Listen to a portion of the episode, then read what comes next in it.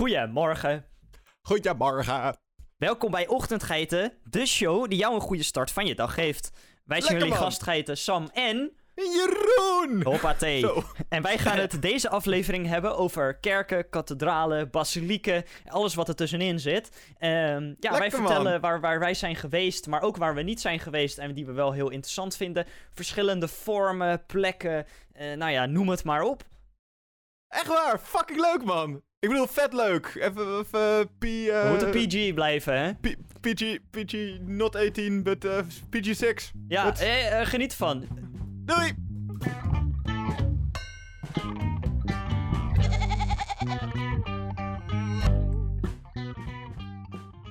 Ik heb water over mezelf heen gegooid.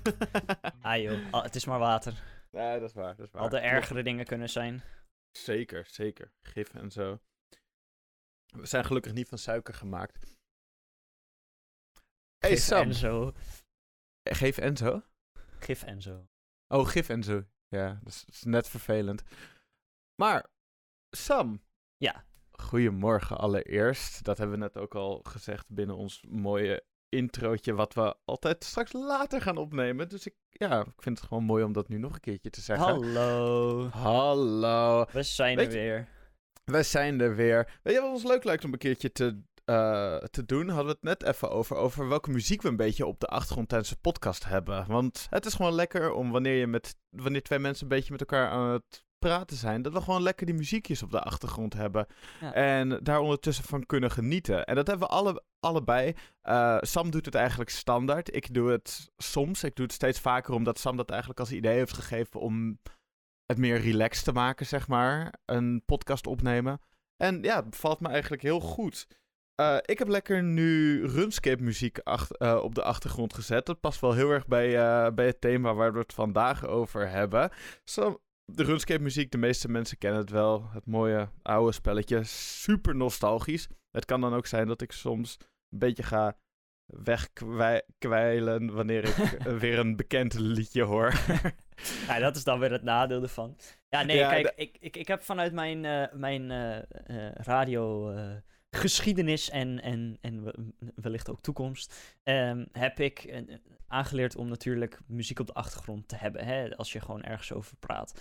Ja. En daarom is het, vind ik het altijd fijn dat als ik iets aan het vertellen ben, dat ik in ieder geval een, een onderlaag heb eh, in mijn oren. Dus vandaar dat ik altijd even een, eh, een muziekje aanzet. En dan ben, ik pas het meestal aan aan de hand van welk onderwerp we het eh, over gaan hebben. En dan kijk Ja. ik welke muziek ik daar het beste op dat moment bij vind passen. En dan, ja, ik denk dat dat ook die. wel de beste is. Want anders zit je inderdaad, wanneer je over een heel hyped onderwerp gaat praten, de hele tijd rustige lo-fi is ook wel chill. Maar volgens mij ga je ook heel erg praten naar de muziek die je op de achtergrond hoort. Ja, dat, dat ligt er een beetje aan. Als je er heel veel ervaring mee hebt, dan he- heb je dat niet echt meer. Maar Nee, waar. anders dan gaat dat inderdaad wel automatisch mee. En wat ben jij nu aan het luisteren, Sam? Ik ben eh, muziek voor Dungeons and Dragons aan het luisteren, zoals eigenlijk gewoonlijk. En eh, in dit geval gaat het over, eh, of is het muziek die past bij de Feywild. En dat zijn waar alle mooie beestjes en plantjes en, en bloemetjes en elfen en zo rondlopen. Eh, als, je een beetje, als je Lord of the Rings hebt gezien of gelezen, dan is het een beetje het gevoel van het bos waar, eh, waar de elfen in zitten. Lekker man. Ja. Het is gewoon lekker. Is het een beetje rus, rustig? Is het... Het is, er, het is rustig. Er zijn eh, pan, panfluiten en andere fluiten en gewoon Ah, gitaartjes, lekker. harpen. eh, eh, de- gewoon dat soort eh, instrumenten. Dus jij, als jij op een gegeven moment ook gewoon aan het wegzakken bent, dan weten we waardoor dat komt. maar goed, eh, ja, nee, eh, jij, je gaf het als idee om te delen. En dat is inderdaad wel een interessante, want eh, ja, dat, eh, nou ja, een beetje inkijken in hoe wij, het, eh, hoe wij dit maken. Ja, lekker man. En Hey, we gaan het gewoon... hebben over eh, eh, eh, kerken en eh, dingen en zo, kathedralen Oh ja, en eh, dat soort eh vormige gebouwen. meuk. Ja. nee, ik eh, ga het vandaag zeker over hebben. Ik denk dat het handig is om eerst even het, eh, ja, een beetje te kijken. We gaan woorden, eh, we gaan woorden kerken, kathedralen, basiliek, dat soort woorden gaan we allemaal gebruiken. En ik vind het eigenlijk wel interessant om eerst even te, te kijken naar wat de verschillen tussen die verschillende woorden zijn in die verschillende gebouwen. Nou, dan beginnen we bij een kerk. De kerk is voor de meesten wel redelijk logisch. Een kerk is een gebouw waar christenen hun godsdienstoefeningen houden. Nou, lekker woord daarvoor. Een kerk wordt ook wel een bedehuis, gebedshuis, godshuis of tempel genoemd. Veel kerkgebouwen zijn monumenten en de meeste westerse steden en dorpen hebben ook een kerk centraal in het centrum staan. Nou, ik denk inderdaad dat in welk dorp of stadje in Nederland ook leeft, je hebt er sowieso wel een kerk tussen staan. En ja, dat is al sinds, uh, sinds zo lang als de mens kan deugen. Nou, oké, niet als de mens kan deugen. Heel flink wat, wat jaartjes zitten er al, uh, staan er al overal kerken. En die staan echt vaak letterlijk in het middenpunt van de stad. Um, ik vind altijd ook wel leuk hoe uh, kerken die hebben van die hoge torens. Omdat kerken die moesten van oudsher, moesten zij ook echt het hoogste punt van een dorp of een stad zijn. En dat zie je gewoon heel erg vaak terug in oudere, oudere dorpjes ook. Zie je gewoon dat de kerk by far het grootste is in de hele omgeving. Vind ik wel mooi daarvan. Uh, dus dat is een kerk, maar uh, wat is een kathedraal dan? Nou, de kathedraal komt van het, uh, van het Latijnse cathedra. En dat betekent zetel. In een kathedraal staan, staat een bisschopszetel. En dat is eigenlijk een stoel, of eerder een soort troon uh, van de bisschop.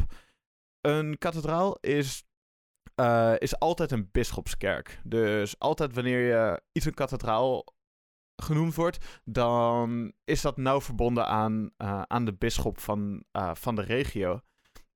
En dat heet ook wel zo'n regio waar dan zo'n zo'n bisschop voor werkt. Dat heet een bisschopdom. Weet je dat ook? En even Kijk, uh, ja, oorspronkelijk stond deze uh, altijd in een apsis. En de apsis dat is een onderdeel van een kerk, wat meestal een hal... Je herkent het een beetje als, staat achter in de kerk, uh, is een beetje een, vaak een halve, een halve koepel is het eigenlijk, met vaak schilderingen aan het plafond. En ja, het woord kathedraal wordt ook niet, wordt, woord kathedraal wordt niet altijd gebruikt voor de bisschopskerken. Uh, ja, in bijvoorbeeld Italië en in Duitsland wordt het ook. Uh, en ook in Utrecht wordt in plaats van een kathedraal wordt het woord dom gebruikt. Dus bijvoorbeeld de dom in Utrecht, dat is eigenlijk een kathedraal. Daar zit voor mij ook de aartsbisschop van Nederland. Maar dat weet ik niet zeker. Dat uh, zou ik je ook niet kunnen vertellen. Helaas, helaas, helaas. Waarom weet je dat nou niet? Oké, okay, nee, uh, daarnaast heb je nog een basiliek. En een basiliek komt van het Latijnse basilica. En ik zeg altijd, wanneer ik een basiliek wil zeggen, zeg ik altijd per ongeluk basilisk. Maar dat is de slang in Harry Potter. Dat is een beest. Uh, dat is een beest. Daar word je niet gelukkig van. en uh, het is eigenlijk, komt het uit het Oud-Grieks, het woord. En het heet Koninklijk Gebouw. En uit de, buis, uh, uit de bouwstijl van de Romeinse basilica ontwikkelde de Romaanse kerkarchitectuur. De bouwkundige betekenis van basiliek is een driebeukige kerk met een hoge middenbeuk. En ja, het heeft ook vaak hoge uh, zijwanden met hele hoge ramen, zodat het licht over de daken, uh, over de daken van de zijbeuk zo naar binnen heel mooi in kan vallen, zodat het ook de bovenkant van zo'n toren uh, van het middengedeelte raakt. Uh, om het even voor je te zien. Um, een basiliek is dus gewoon. Je hebt een soort van kerk bestaat uit drie delen. En. Nou, tenminste, een basiliek bestaat uit drie delen. Andere kerken die worden dus gewoon kerken genoemd en niet basiliek. En dat is dus dat hele. Die drie dingen, daar is de middelste van is een stuk hoger dan de rest. En er zijn er best wel veel die dus een basiliek genoemd kunnen worden. En het is niet alleen dat, uh, dat kerken een basiliek genoemd kunnen. Ik word te veel afgeleid door mijn RuneScape muziek. Ik ga even mijn RuneScape muziek uitzetten. ik, ben, ik, ben aan het praten en ik hoor op de achtergrond hoor ik, uh, hoor ik een liedje wat ik herken. En ik begin daar veel te lekker op te gaan. Dus dat is niet heel erg handig. Een uh, kerk kan ook verheven worden tot een basiliek van week vanwege een belangrijke reliquie of omdat het een belangrijke bedevaartsplek is. Het hoeft dan niet de typische architectuur te hebben. Een basiliek mag eh, bepaalde eretekens dragen. Zoals de vlag van Vaticaanstad, dat geel-wit is eh, eh, met de gekruiste sleutels. Dat mag een normale kerk niet, dragen, eh, niet dragen, maar ja, een basiliek mag dat wel. Omdat het dus die soort van ja, speciale, het speciale gebouw is. Oké. Dus dat zijn de drie verschillende dingen. Dus heel even snel, kort samengevat. Kerk kent iedereen, midden van het dorp, midden van de stad, vet mooi. Kathedraal, dat is dus waar de aartsbisschop een zetel heeft, eh, heeft staan. Dus een mooie stoel. En een basiliek, dat is eh, een bepaalde stijl van kerk. Of dat is wanneer er een belangrijke reliquie of een belangrijke bedevaart is. Nou, dat.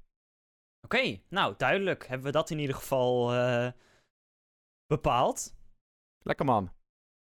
Hoeven we daar geen eh, verwarring meer over te hebben. Nee, nee, dan kunnen we nu gewoon lekker doorgaan met de aflevering. Dan eh, is dat in ieder geval gewoon even fixed. Nou, mooi. Mooi man. Jij wilde het hebben over, een, eh, over iets moois wat je in België tegengekomen bent. Ja, eh, ik kreeg eh, een, eh, een, een, een anderhalf jaar geleden kreeg ik een berichtje van, eh, van een vriendin van mij.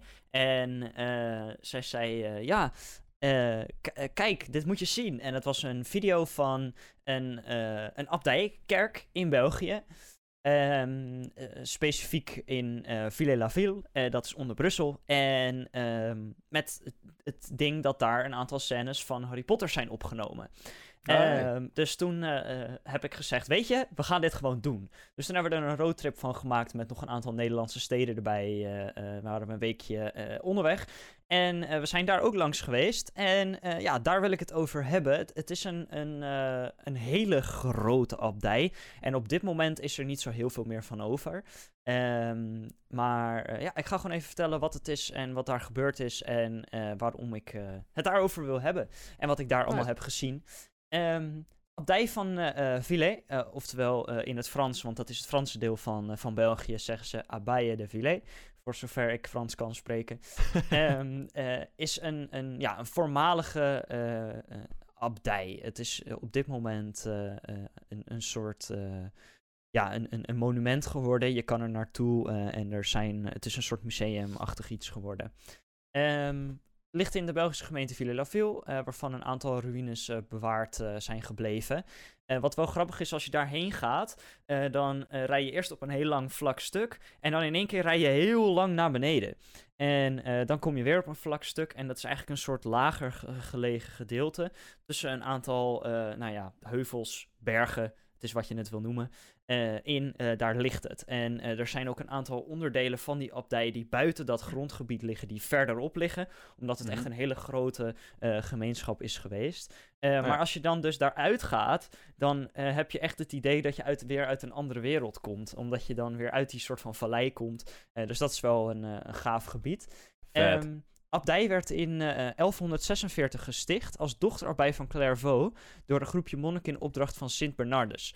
Grond werd geschonken door drie plaatselijke landheren, maar de eerste monniken moesten tot tweemaal toe verhuizen eh, voordat ze een, een geschikte plek vonden die beantwoordde aan de behoeften van de gemeenschap. Er werd uiteindelijk gekozen voor een locatie eh, aan de waterloop de Tiel. Ehm, de bouw van de abdij vond plaats rond, nou ja, tussen 1190 en 1267. Ehm, vooral abt eh, Ch- Charles Lessijne, eh, die van eh, 1197 eh, tot 1209 daarmee bezig was, geldt als groot bouwheer. Er is nog heel veel daarna gebouwd, ehm, eh, maar de, de, de hoofdabdij, zeg maar, dat is in die tijd gedaan. Ehm, dat is eh, 12 jaar, dat is kort. Dus dat eh, relatief kort voor zoiets. Dus dat is wel Zeker. eh, bijzonder. Eh, de Ja. stichting van de abdij werd bekrachtigd door paus eh, Eugenius III, eh, zelf een leerling van eh, Sint Bernardus. En de Luikse eh, eh, prins-bisschop eh, Hendrik II van Leyen. Abdij lag in het grensgebied van het graafschap Namen en het hertogdom Brabant. Maar vanaf 1209 verkoos de gemeenschap uitdrukkelijk om tot de eh, Brabantse invloedssfeer te behoren. Een keuze die de hertogen met allerlei weldaden beloonde. Eh, de abt van Villers eh, zetelde ambtshalve in de, in de Staten van Brabant. Dus het is echt een hele belangrijke en invloedrijke plek geweest in die periode voor, voor het christendom. Cool. De abdijen beleefden vooral in de 13e eeuw een bloeiperiode, toen de gemeenschap 100 monniken en 300 eh, lekenbroeders telde.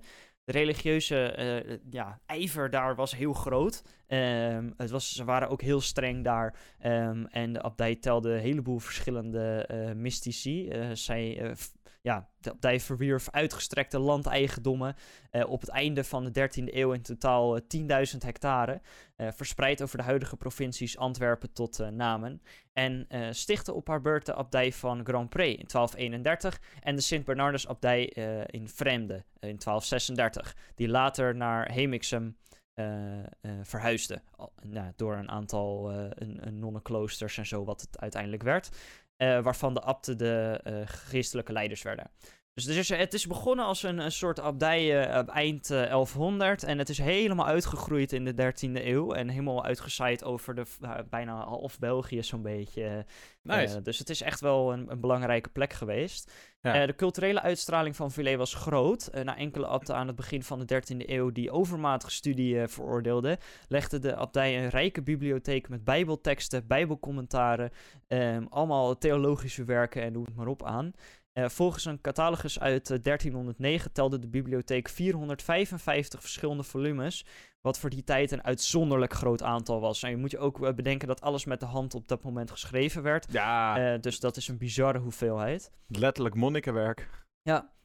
Um, de abt Jan van Brussel, um, ja, die gaf theologie in Parijs. Um, wat wel bijzonder is, uh, want die uh, kwam dus daar vandaan. Het stedelijke uh, ja, ja, refugiehuis, zoals ze dat noemen. Um, ja, dat is, was voor bewoners van abdijen en kloosters een toevluchtshuis. In perioden waarin ze zich door oorlog of andere onrust niet veilig voelden in hun nou ja, afgelegen, hoog, afgelegen hoofdverblijf. Um, ja, van de abdij die diende tot verblijf van jonge monniken die in de stad studeerden. En werd later omgetoverd tot het universitaire college van Villers. Um, dus ook dat is helemaal uitgegroeid. Ja. In de 14e eeuw vermindert het aantal lekenbroeders, zodat uh, ze niet alle gronden meer zelf bewerkt konden worden en verhuurd moesten worden. Met de machtsovername door de Bourgondiërs uh, begon stilaan het verval, toen de hertogen inspraak verkregen bij de aanstelling van de abten. Uh, ja, dat helpte dus allemaal niet meer, um, of hielp allemaal niet meer. En dat werd allemaal ja, wat minder. Er waren wat minder mensen om voor het gigantische grondgebied te zorgen. Um, en daarom uh, ja, werd het uitgehuurd. Um, in de 16e eeuw had de abdij zwaar te lijden onder de godsdienst uh, uh, troebelen. dat was niet helemaal, ging niet allemaal meer zo makkelijk als dat het ging. Uh, onder meer in 1544 werden ernstige verwoestingen aangericht, aangericht door de plunderende Spaanse troepen. Uh, de abdij moest afstand doen van een deel van, uh, van haar hoeve. de monniken moesten de abdij verlaten en zochten hun toevlucht in verschillende stedelijke refugiehuizen. Maar vanaf 1587 kende Villers een nieuwe bloei onder de abt Robert Hendrion, die het materiële herstel organiseerde. 18e eeuw bracht met de machtsovername door Oostenrijk één laatste grote bloeiperiode. De abdij werd uitgebreid met een nieuw abtenpaleis en een gastenhuis. Deze bloei kwam tot een einde toen de uiteindelijk laatste abt van de abdij Bruno Cloquet openlijk in conflict kwam tegen de religieuze hervormingspolitiek van keizer Jozef II. Keizer, die Cloquet door diens houding mede verantwoordelijk stelde voor de uh, Brabantse omwenteling, liet uh, Oostenrijkse troepen de abdij bezetten en de opstandige abt moest een tijdje vluchten. De orde keerde weer onder keizer Leopold II, maar dat was slechts voor korte tijd. Toen Frankrijk in 1794 tijdens de Eerste Coalitieoorlog de zuidelijke Nederlanden binnenviel, koos de abt de zijde van de keizer. Dat was het begin van het einde. Op 11 december 1796 werden de kloosterlingen door Franse troepen verdreven. De eigendommen werden openbaar verkocht en het terrein van de abdij zelf kwam in handen van een zekere Laterade, een handelaar in bouwmaterialen die de gebouwen stelselmatig sloopte en het gerecyclede, ja, je kan het zeggen gerecyclede materiaal, uh, maar dat verkocht hij. In 1820 werd het terrein opgekocht door eh, Charles Lambert Huart, die in 1851 de toelating gaf om de spoorlijn dwars door zijn eigendom te laten aanleggen. Uh, de spoorlijn Charleroi-Leuven. Uh, um, wat hem een royale vergoeding opleverde. Wat er ja, overbleef. Dacht ik al. Ja, Geld. Wat er overbleef van de uh, gebouwen werd verwaarloosd. Uh, de tijd en de elementen deden de rest. In 1893 kwam het terrein uiteindelijk in handen van de Belgische staat, die sindsdien grootscheepse herstellingswerken liet aanvatten om de ruïne voor verdere aftakeling te behoeden. Um, als je daar komt, dan zie je een mm -hmm. heleboel dingen. Je hebt eerst een klein museum die uitlegt wat ik net heb verteld. Um, en hoe dat een beetje in elkaar zat toen de tijd met alle uh, graafschapen en uh, uh, alle abten en noem het maar op. Ja. Um, maar er is één eh, echt grote abdijkerk. Nou, die is nog best wel redelijk hersteld. Het is echt heel groot. Uh, fotootje staat in de show notes, dus dat kan je lekker bekijken. Um, en um, ja, dat, dat is, is, echt een gigantische kathedraal. Ik denk dat als die nu nog heel was geweest, dat dat een van de meest bezochte kerken van, nou ja, van België en misschien wel van Europa zou zijn geweest. Um, Vet. Dat gastenhuis, waar ik het eventjes over had, dat is later omgebouwd tot brouwerij. Um, als je daar nu komt, is er niet zo heel veel meer van over. Je kan de uh, begane grond en de eerste verdieping wel bezichtigen, maar het is kaal en leeg en uh, nat en uh, modderig en er is gras en er is, er is niks meer over van het interieur. Overal um, bier. Ja, dat, nou was dat maar zo'n feest. um, maar dat is dus eventjes een brouwerij geweest. En dat had ook te maken met het, uh, nou ja, het verhuren van, uh, van de ruimte. En er zijn nog steeds hele grote grasvelden die op dit moment ook nog gewoon bij worden gehouden. Um, en uh, het, wat mij dus ook eerst opviel, is dat als je daar komt, dat er een, een, een spoorlijn echt dwars door het terrein heen gaat. Um, gewoon echt een schuine lijn er recht doorheen getrokken. En um, als jij een, een hele grote, brede trap op of afloopt, dan, uh, ja, dan is, dat, is die spoorlijn recht boven je. En er is dus ook een hele lange trap. Uh, wat ik net al zei, het ligt in een soort vallei. En als je die hele lange trap omhoog loopt, dat zijn een heleboel tredes. Uh, maar daar heb je verschillende plekken waar je dan nog kan, tussendoor even kan rusten op een bankje of wat dan ook. En elke keer als je even stopt en je kijkt om, dan zie je die spoorlijn. En als je helemaal bovenaan bent, dan kijk je eigenlijk over het volledige terrein heen. Uh, wat wel heel gaaf is, maar dan zie je echt gewoon één, één rechte lijn er doorheen. Um, wat ik dus in het begin eventjes noemde, dat uh, een aantal scènes van Harry Potter daar zijn opgenomen. Uh, specifiek de laatste film, uh, waarin uh, de strijd op Zwijnstein of Hogwarts is. Dat echt de, de, de tovenaars tegen de tovenaars aan het vechten waren. Dat mm -hmm. de school aan het afbrokkelen was. En nou ja, een aantal van die scènes zijn daar opgenomen. Omdat het natuurlijk een stukkende kerk is. En dat past ja. bij het uit elkaar vallende kasteel het is perfect ook. Als je die foto's inderdaad ervan ziet, dan krijg je ook een beetje inderdaad die vibes van... Het is gewoon net een beetje verwoest. Het is net, het is net allemaal een beetje crappy, maar het is wel gewoon nog steeds imposant en groot en geweldig. Ja, niet normaal. En uh, er zijn ook een aantal tuinen, die zijn weer opnieuw gemaakt door de Belgische staat. En uh, door de mensen die natuurlijk dat... Uh, ja, dat terrein onderhouden. En uh, die tuinen die zijn gewoon weer gerecreëerd. Dus die zijn echt super mooi. Kan je gewoon doorheen lopen. Um, oh, cool. En ja, en um, als je daar uh, een beetje rond het terrein rondloopt, dan kom je ook het een en ander tegen. Je moet echt een beetje op een soort speurtocht gaan. Um, want er zijn ook bijvoorbeeld kerkers waar je in kan. Maar die zitten echt in een, in een verdomhoekje. en die moet je dus. Oh, die, ja, die, die vind je gewoon niet als je daar niet expliciet naar op zoek gaat. Dus het is echt wel een hele leuke plek. Ik kan iedereen er aanraden om erheen te gaan. Zeker ook om natuurlijk het behoud ervan te, te steunen. Uh, maar ook om, uh, ja, omdat het een, een stukje belangrijke geschiedenis is van België en ook van Nederland uh, in die tijd. Ja, ik zou die, ik zou die kerkers gaan opzoeken. Ja. Van grote speurtocht naar die kerkers. Oké, okay, dit gaan we doen. We gaan een keertje daar naartoe en de kerkers opzoeken. Ja, ik weet al waar ze zijn. Oh, maar, nice. Want ik ben er geweest. Maar... Oh ja, cool. Ben je ook in de kerken geweest? Ik ben overal geweest. Ik heb de hele dag hebben we daar rondgelopen. Uh, Sick. We hebben daar ook heel veel foto's gemaakt, omdat ja, we allebei echt gigantisch fans zijn van Harry Potter. Dus we hebben daar uh, ons uh, ruim vermaakt, laat ik het zo nou, zeggen. We hebben ook nice. die volledige trap opgelopen. We hebben echt alles gedaan. Dus ja, ik kan er sowieso iedereen, ook al ben je helemaal geen fan van Harry Potter of boeit het je allemaal niet, kan ik sowieso maar... iedereen aanraden om erheen te gaan. Maar mag je zomaar daar overal naartoe lopen? Ja. Want ik kan ook begrijpen dat ze denken van... jou sommige dingen kunnen eventueel instortingsgevaar hebben. Of is dat eigenlijk niet echt van toepassing daar? Nou, ze hebben een aantal plekken die uh, instortingsgevaar hadden, hebben ze verstevigd. Ze hebben heel veel gaten in, oh. in de muren hebben ze opgevuld. Um, ja, en, uh, op dit, en ze hebben brokstukken weggehaald die echt wel gevaarlijk waren. En op dit moment kan je eigenlijk bijna overal gewoon lopen. En als je er niet kan komen, is het duidelijk afgezet. Uh, maar het, het, is gewoon een, een al 100 jaar onderhouden terrein. Dus het is veilig, je kan overal heen. En er worden ook um, best wel vaak ook toneelstukken gehouden met de abdijkerk op de achtergrond. Oh, cool. ja, dus dat is echt wel een, nou ja, zeker voor België een hele belangrijke locatie. Ik wil echt Assassin's Creed-style, wil ik echt gaan klimmen als een malle overal. Ja, als je daar bent, inderdaad, uh, dan is dat inderdaad ook een van de dingen die, uh, die, die je denkt. En ik kwam daar en toen was ik al bezig met, dat is wel het grappige, dat was af, niet afgelopen zomer, maar die zomer daarvoor.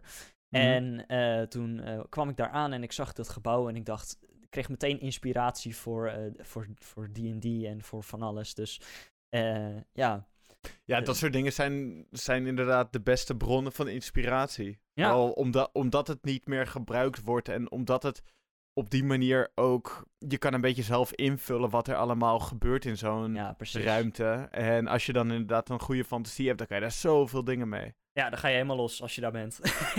ja, maar, kan me uh, voorstellen. Ja, we, ik gooi, we gooien een linkje in de show notes. Dan kan je in ieder geval ook de website van de, van de abdij bekijken. En dan uh, kan je ook eventueel kijken of je het wil bezoeken. En dan, uh, ja, daar laat ik het daar in ieder geval eventjes bij, of wat betreft deze abdij. Ja, um, nice. Ja, ik vind, ik vind het wel vet dat er um, dat oude kerken en dat soort dingen, dat die tegenwoordig zo vaak gebruikt worden voor, voor nieuwe purposes. Want het is gewoon een ding dat er steeds minder mensen uh, christelijk zijn. En dan staat het ook. Ja, dan gaan er ook veel, meer, uh, veel minder mensen naar kerken toe. En in heel veel dorpen en zo blijven er wel kerken. Maar bijvoorbeeld hier in Amstelveen, waar ik woon, hebben we vier, ker vier kerken of zo. En daar worden, nou hadden we vier kerken, maar daar is een deel van is nu of een deel wordt gesloopt of er wordt op een andere manier van, gebruik van gemaakt. En ik vind vooral dat op andere manier gebruik maken vind ik heel erg leuk, want je houdt nog steeds de historie en je houdt nog steeds de kerk en hoe een, een dorp of stad er vroeger uitzag, hou je nog steeds erbij, maar je zorgt wel dat het weer op een goede manier gebruikt wordt. En Sam, ik weet niet of jij dat nog weet, maar wij zijn de eerste dag van dat wij elkaar op de studie hebben ontmoet, zijn wij na die eerste dag zijn wij ook naar een hele bekende kerk gegaan die uh, is omgetoverd. Weet jij dit toch? Nee.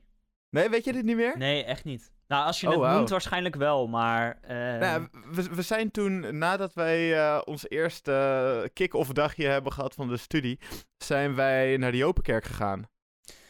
Ja, ja, dat was wel wat ik gokte. Maar uh, ja, nee, ja, daar ben ik heel vaak geweest trouwens. Maar uh, ja, Joopkerk is een goed voorbeeld inderdaad. Lekker man. Ja, die, dat, is, dat was vroeger gewoon de kerk die uh, gewoon gebruikt werd voor kerkdingen. En dat is nu omgedoopt tot de proeverij van uh, Jopenbier. En daar binnen worden, staan ook hele grote ketels waar Jopenbier gewoon gemaakt wordt. Dus het is echt een perfecte manier van het opnieuw gebruiken van, uh, van een kerk. Ja, We hebben hier in Amstelveen hebben we ook een kerk, dat is de Anna-kerk.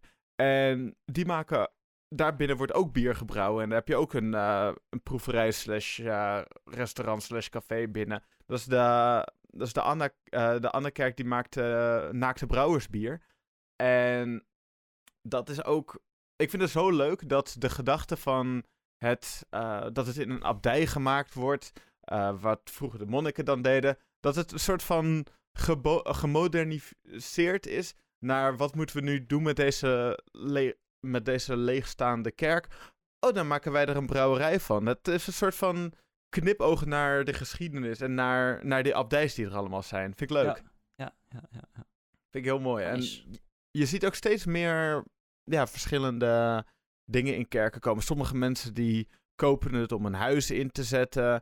Uh, sommige mensen die gaan er. Ja, er is bijvoorbeeld een bibliotheek waar mensen, uh, uh, waar mensen lekker hun boekjes kunnen halen. Je hebt ook Theater de Maagd. Dat is in Bergen op Zoom. Dat, is de heilige, dat zit in de Heilige Maagdkerk. Dus dat is ook gewoon een oude kerk. Maar daar wordt een. dat is een theater geworden. Waar meer bijvoorbeeld André Rieu en de Golden Earring en Herma van, uh, Herma, Herman van Veen of Herman Veen allemaal stonden. En ja, dat is gewoon een mooi theater geworden. En zo heb je door heel Nederland heb je heel veel verschillende kerken die, omdat ze wat minder gebruikt worden, en dat zie je voornamelijk in steden, want daar heb, uh, daar heb je meerdere kerken. Uh, wanneer mensen gewoon niet genoeg gebruik maken van de kerk, moet er een andere, ja, moet er een andere purpose voor komen. En dan wordt het maar zoiets. Of ik ben een keertje in een kerk, heb ik... Oh, waar was dit? Het was volgens mij in Alkmaar. In de grote kerk in Alkmaar was een expositie van, uh, voor mij de World Photos Expo. Uh, of ik weet niet meer hoe dat precies heet, maar dat is een wereldwijde expo die uh, elk jaar gehouden wordt, waarbij, de, waarbij foto's ingestuurd worden en daar wordt altijd, uh, zijn altijd nominaties en awards voor. Maar er zijn altijd hele indrukwekkende foto's die allemaal een, verhaal met zich mee uh, brengen. En dat, ja, dat is gewoon zo leuk om in een ruimte van een kerk, wat vaak een hele grote ruimte is, om dat daar gewoon te zien. En ja, ik ben heel erg blij dat het gebruikt wordt voor. Oh, ik zie hier zelfs dat in Helmond, uh, in de oude Bernadettekerk, is de Jumbo-supermarkt. Nou, doen jullie goed, Helmond, met jullie Jumbo-supermarkt? maar um, ja, ik vind het gewoon zo goed dat ze, dat ze dan niet tegen de vlakte gaan, maar dat ze het gewoon maar op een andere manier gaan gebruiken. Ja, het zijn vaak hele stevige gebouwen. En Ja. eh, dus dat is één natuurlijk, hè, voor praktische redenen.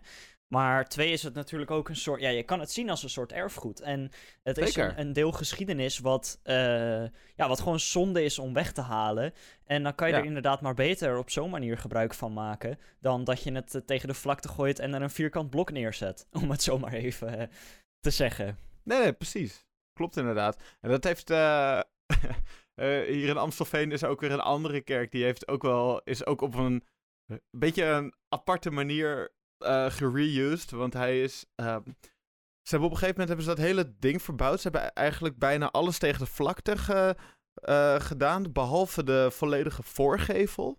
En die volledige voorgevel. Die hebben ze overeind weten te houden. En daar hebben ze een heel.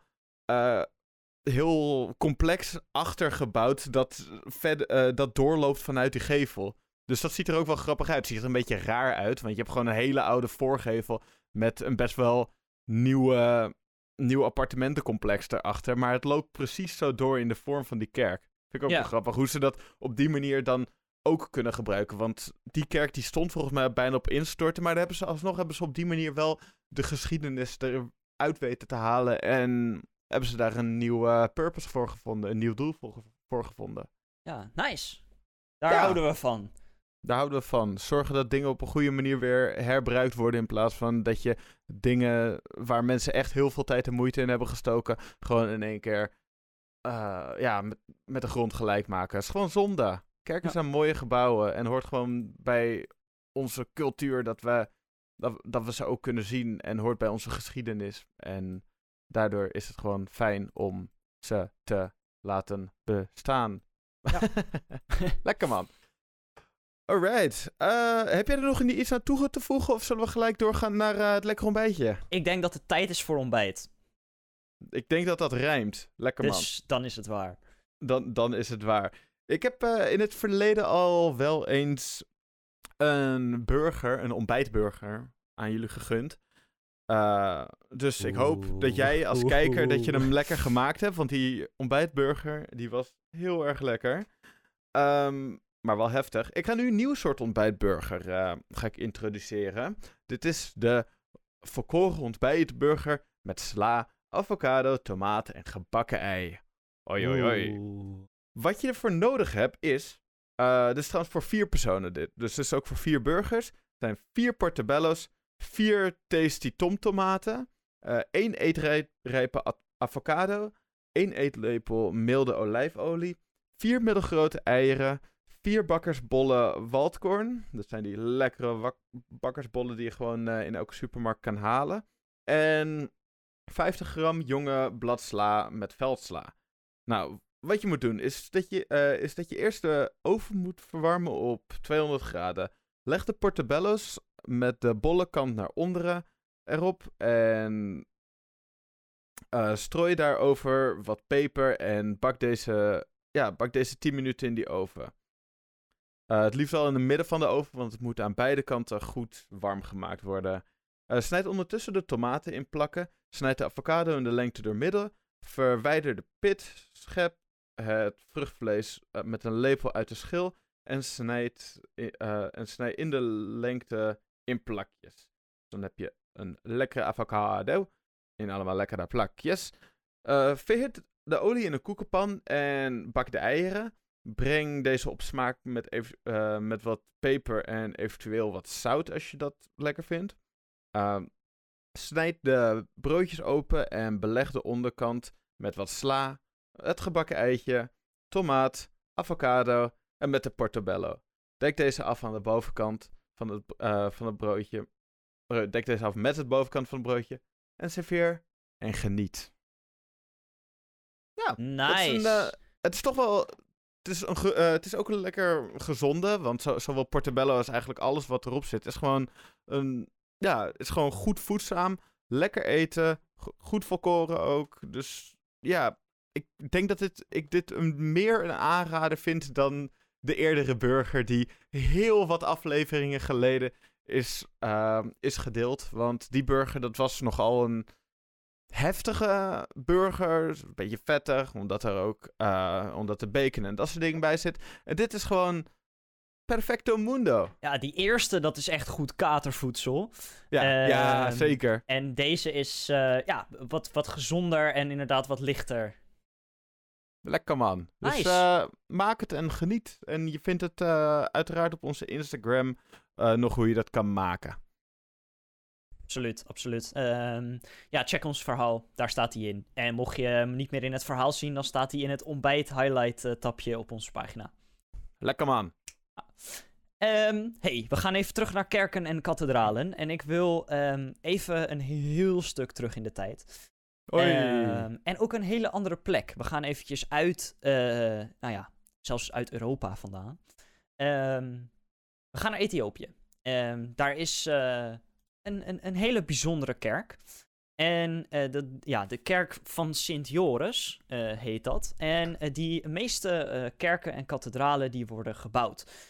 Door stenen op elkaar te plaatsen en in een mooie vorm en dan en hout en dan krijg je een kerk. Um, deze is op een andere manier gemaakt. Deze is namelijk naar beneden uit, het, uit de grond gehouwen. Um, en ja, die is dus uit vulkanisch tufsteen naar beneden ja, gemaakt en uitgegraven en, en, en gehouden. Um, dit is het enige architectonische materiaal dat in het bouwwerk werd gebruikt. Um, en de kerk is gedateerd ja, op ongeveer het einde van de 12e of begin van de 13e eeuw. Um, en werd vermoedelijk gebouwd tijdens het bewind van koning, en ik ga echt mijn best doen om het uit te spreken, uh, Gebre Meskel La, La, La Libella van de late Zakwe-dynastie. Um, het, is een van de, ja, het is een van de uh, bekendste en laatst uh, gebouwde van de elf kerken in het La, La Libela gebied. En wordt ook wel het achtste wereldwonder genoemd.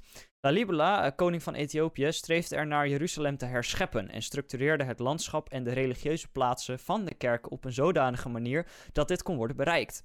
De kerken in La Libela zijn gegroepeerd in twee grote groepen, waarvan de ene het aardse Jeruzalem voorstelt en de andere het hemelse Jeruzalem. Direct daartussen ligt, het, ligt een geul die de rivier de Jordaan voorstelt. Uh, de afmetingen van de geul zijn 25 bij 25 bij 30 meter. En er is een kleine doopvijver buiten de kerk die in een kunstmatige geul staat.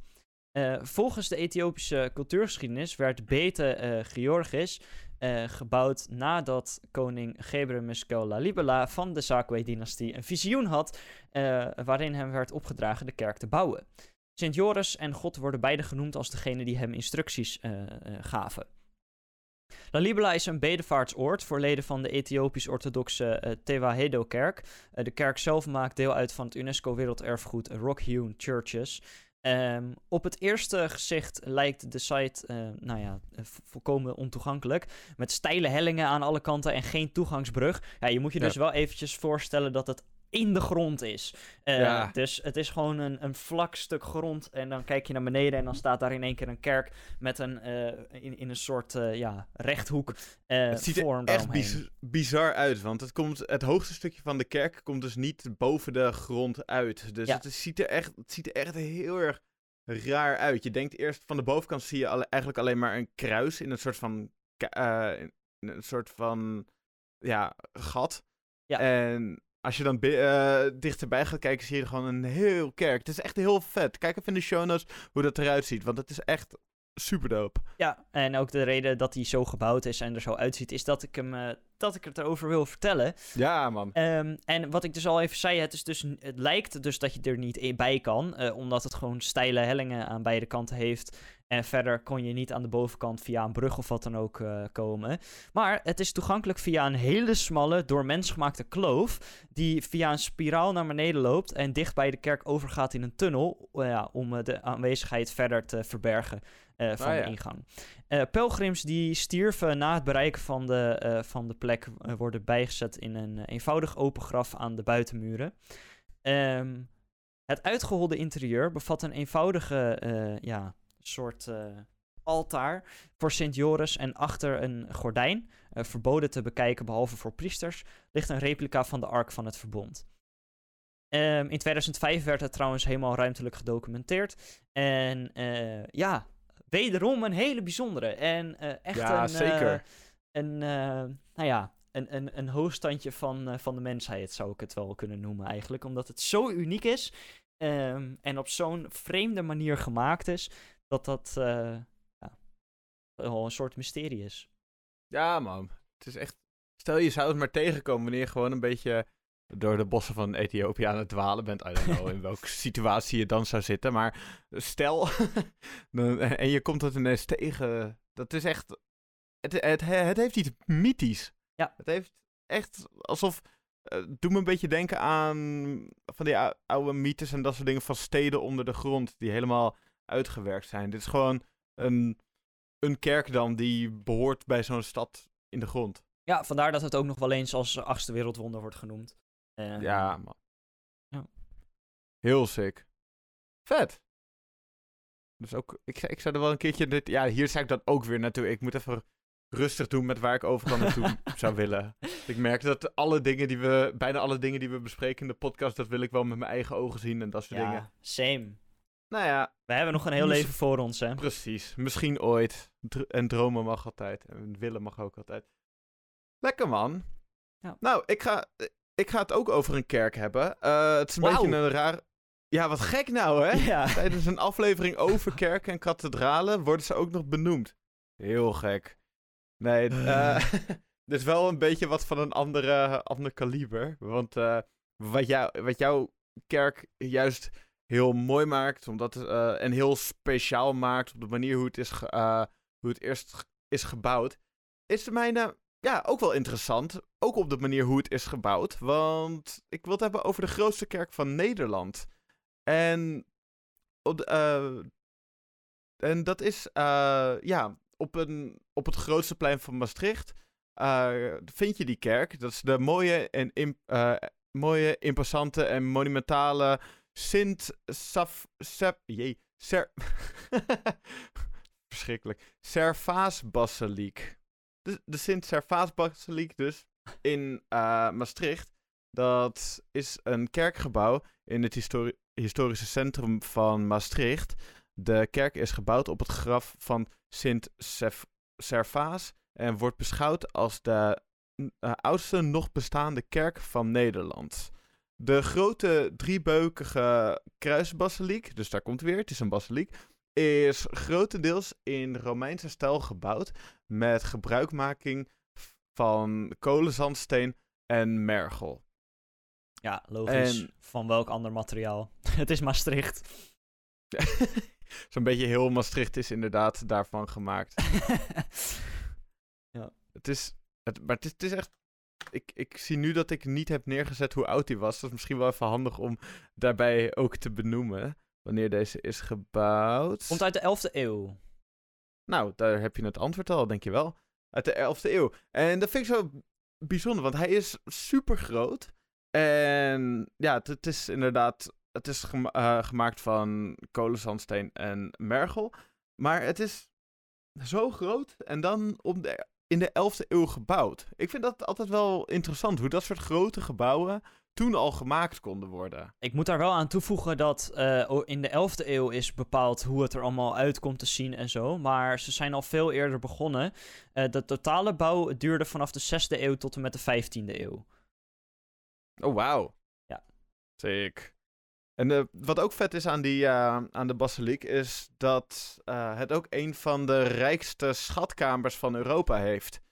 En niet voor niets deze, dus prijken die schatkamers ook op de lijst van UNESCO.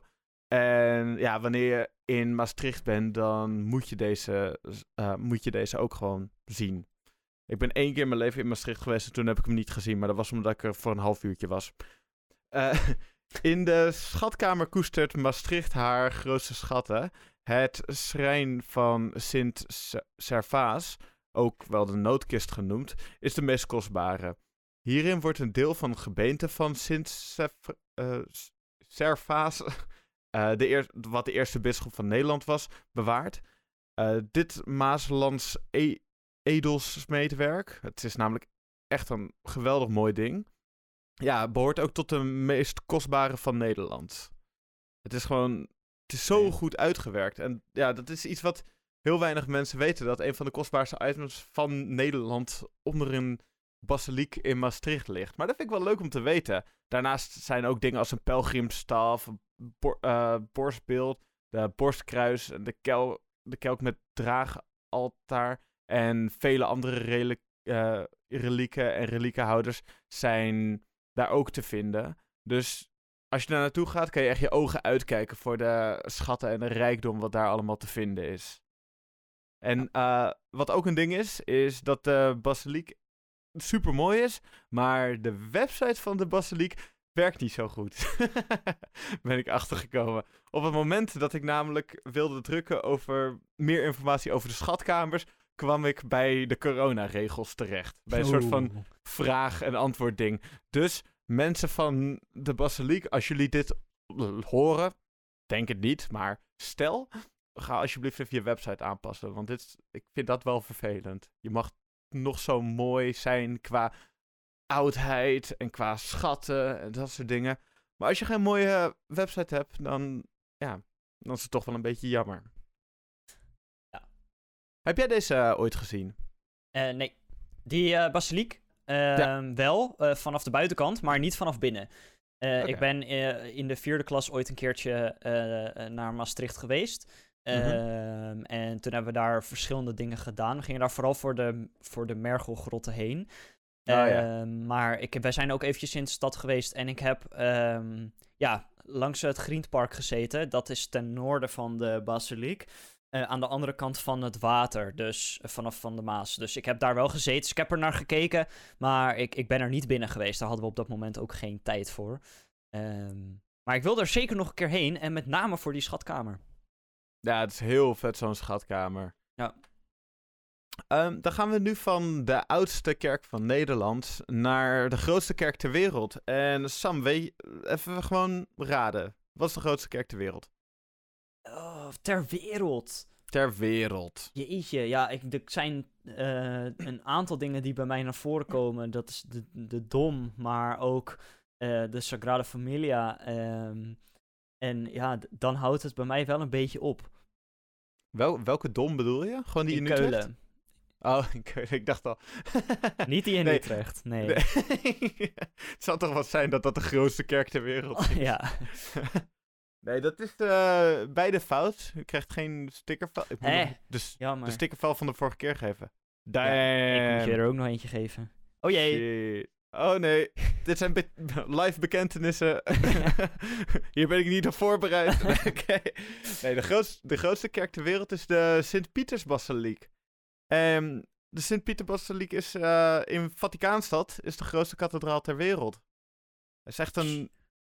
Oeh ja, dan had ik wel kunnen gokken dat het daar was. Maar ja, hè? Heb je niet gedaan, dus heb je ik niet nog gedaan. Nee.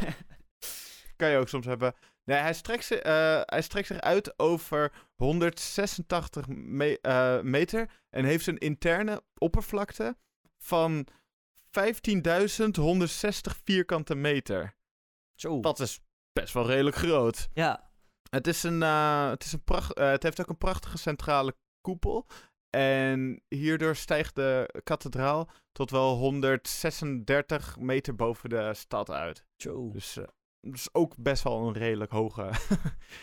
de Sint-Pieter-basiliek is de belangrijkste kerk voor eh, de, Room uh, voor de Rooms-Katholieken. En het biedt ook plaats voor 20.000 bidders tegelijkertijd. De oorspronkelijke kathedraal werd in 30, uh, 320 na Christus gebouwd door keizer Constantijn. Het werd in de, uh, in de 15e eeuw opnieuw ontworpen en vergroot door paus Nicolaas V. De 41 meter hoge koepel van de Sint-Pieterskathedraal is ontworpen uh, door de grote Italiaanse kunstenaar Michelangelo. Nou, ik ben er dus zelf ook een keertje geweest in die Sint-Pieter-basilisk. Oké. Ja, alle, allereerst gewoon hoe groot en, en imposant dat ding ook is. Dat is echt, is echt bizar. Het ziet er super mooi uit. Uh, je ziet ook wel dat alles van Vaticaanstad is een beetje omheen gebouwd om dat ding zoveel mogelijk, ja, zoveel mogelijk aanzien te geven. Je hebt natuurlijk dat plein, er, uh, dat plein daarvoor, dat is ook super groot. Daar wordt ook altijd met Pasen wordt die, hoe heet dat ook alweer? Die Orpi Dorpi? Nee. Uh... ik weet het niet, man. Ik weet het echt niet. Ik, heb, ik heb eerst communie gehad, maar uh, ik heb geen idee. Uh, nou ja, ik, er, wordt, er wordt dat praatje van de paus gehouden. En dat is, het zit ook super vol daar met mensen. En het is echt, heel Vaticaanstad lijkt een beetje gebouwd te zijn om ervoor te zorgen dat die bas basiliek er zo goed mogelijk uitkomt. Wanneer je op het plein staat, kan je kiezen uh, of je uh, wat je wil doen. En je kan bijvoorbeeld voor kiezen om er alleen naar te kijken. Maar je kan ook voor kiezen natuurlijk om erin te gaan. En dat heb ik ook gedaan. Uh, het is een lange rij. Ik was met mijn vader naar Rome een aantal jaar geleden. En zijn in die rij gestaan. Hebben, denk ik, drie kwartier of zo in die rij gestaan. Viel alsnog wel mee. Het ging op zich nog wel redelijk snel. En dan kom je naar uh, ga je daar naar binnen. Sowieso die deur al. Het is echt een achterlijk grote deur. uh, en dan, dan kom je erin. En dat is zo enorm groot. Slaat helemaal nergens op. Uh, het is ook super veel rijkdom daarbinnen.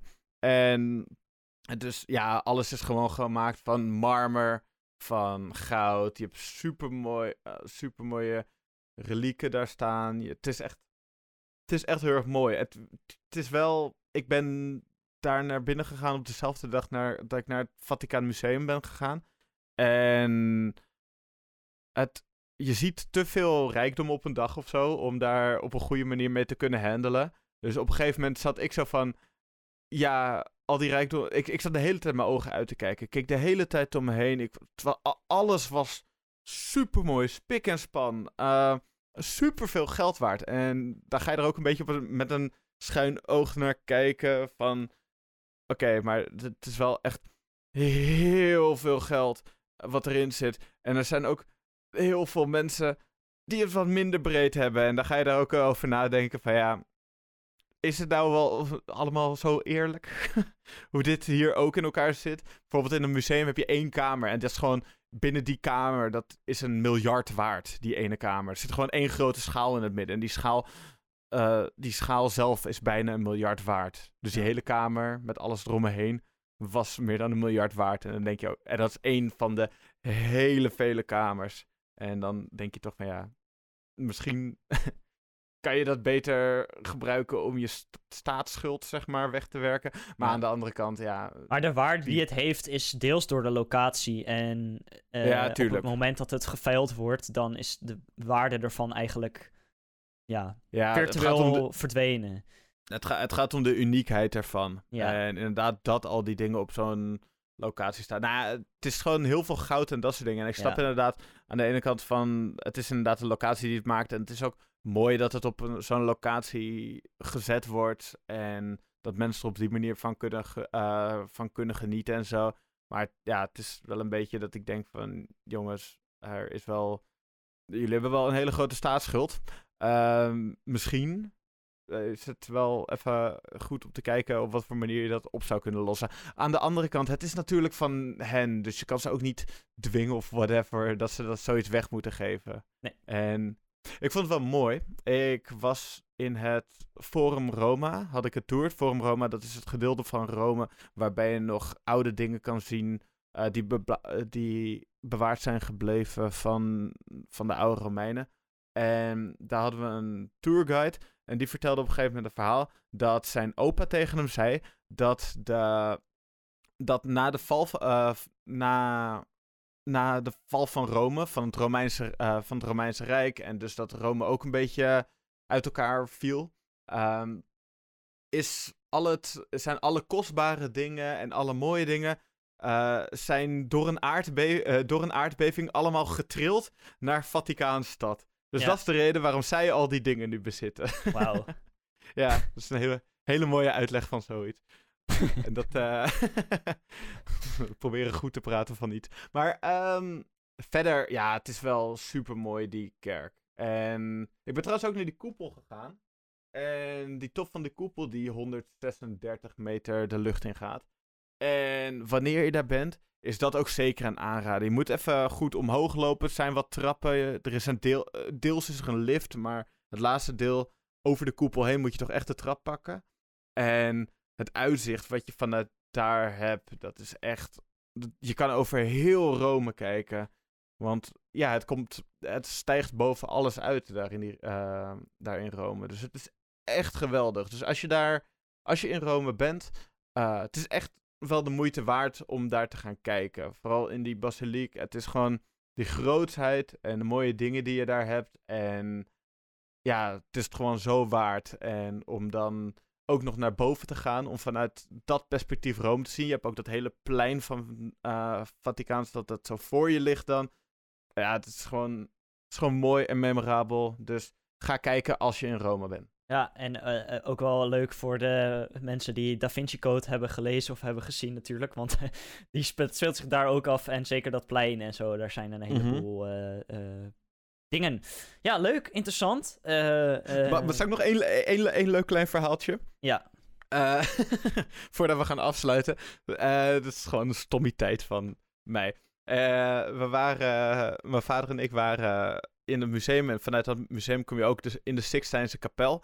Uh, maar we wilden dat ding van uh, Michelangelo, die, uh, die schilderij met dan aan de ene kant God die zo zijn vinger uitsteekt naar de mens die ergens beneden zit. Ik denk dat de meeste mensen wel, wel weten welke schilderij ik bedoel in de Sixtijnse kapel. Ik dacht dat hij veel groter was, maar hij is heel klein.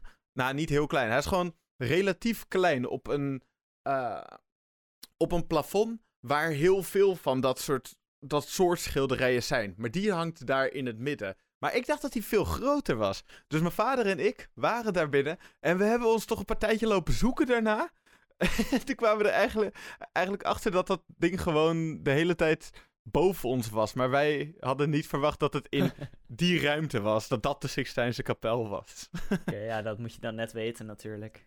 Ja, het staat overal op borden en dat soort dingen. Dus ik ben de hele tijd borden gaan volgen en kwam de hele tijd daaruit. Maar ik dacht van, ja, maar dit is niet de Sixtijnse kapel. Nou, het was dus wel de Sixtijnse kapel. Ja, ja oké. Nou, heb je dat ook weer, weet je dat ook weer? Goede informatie, stel dat je daarheen gaat, kijk dus omhoog. Daarom, daarom. Alright, alright. Hey, uh, uh, heb jij nog een laatste, uh, laatste woord? Klinkt wel heel erg extreem, maar... Ja, ja, ja. Banaan. Nice. Uh, en uh, ja, dat. Nou, ik kan er niks meer aan toe te voegen. fijne, fijne, fijne week, fijn, fijn leven, fijne dag. En laat even weten op ons Instagram ja, wat je vindt van de kerk en of je ergens bent geweest. En misschien heb jij wel eentje waarvan je zo zit van... hey, dit is, deze hebben jullie niet genoemd, maar die is wel heel bijzonder. Dus stuur een DM'tje en laat het weten. Lekker man. Fijne dag. Doei.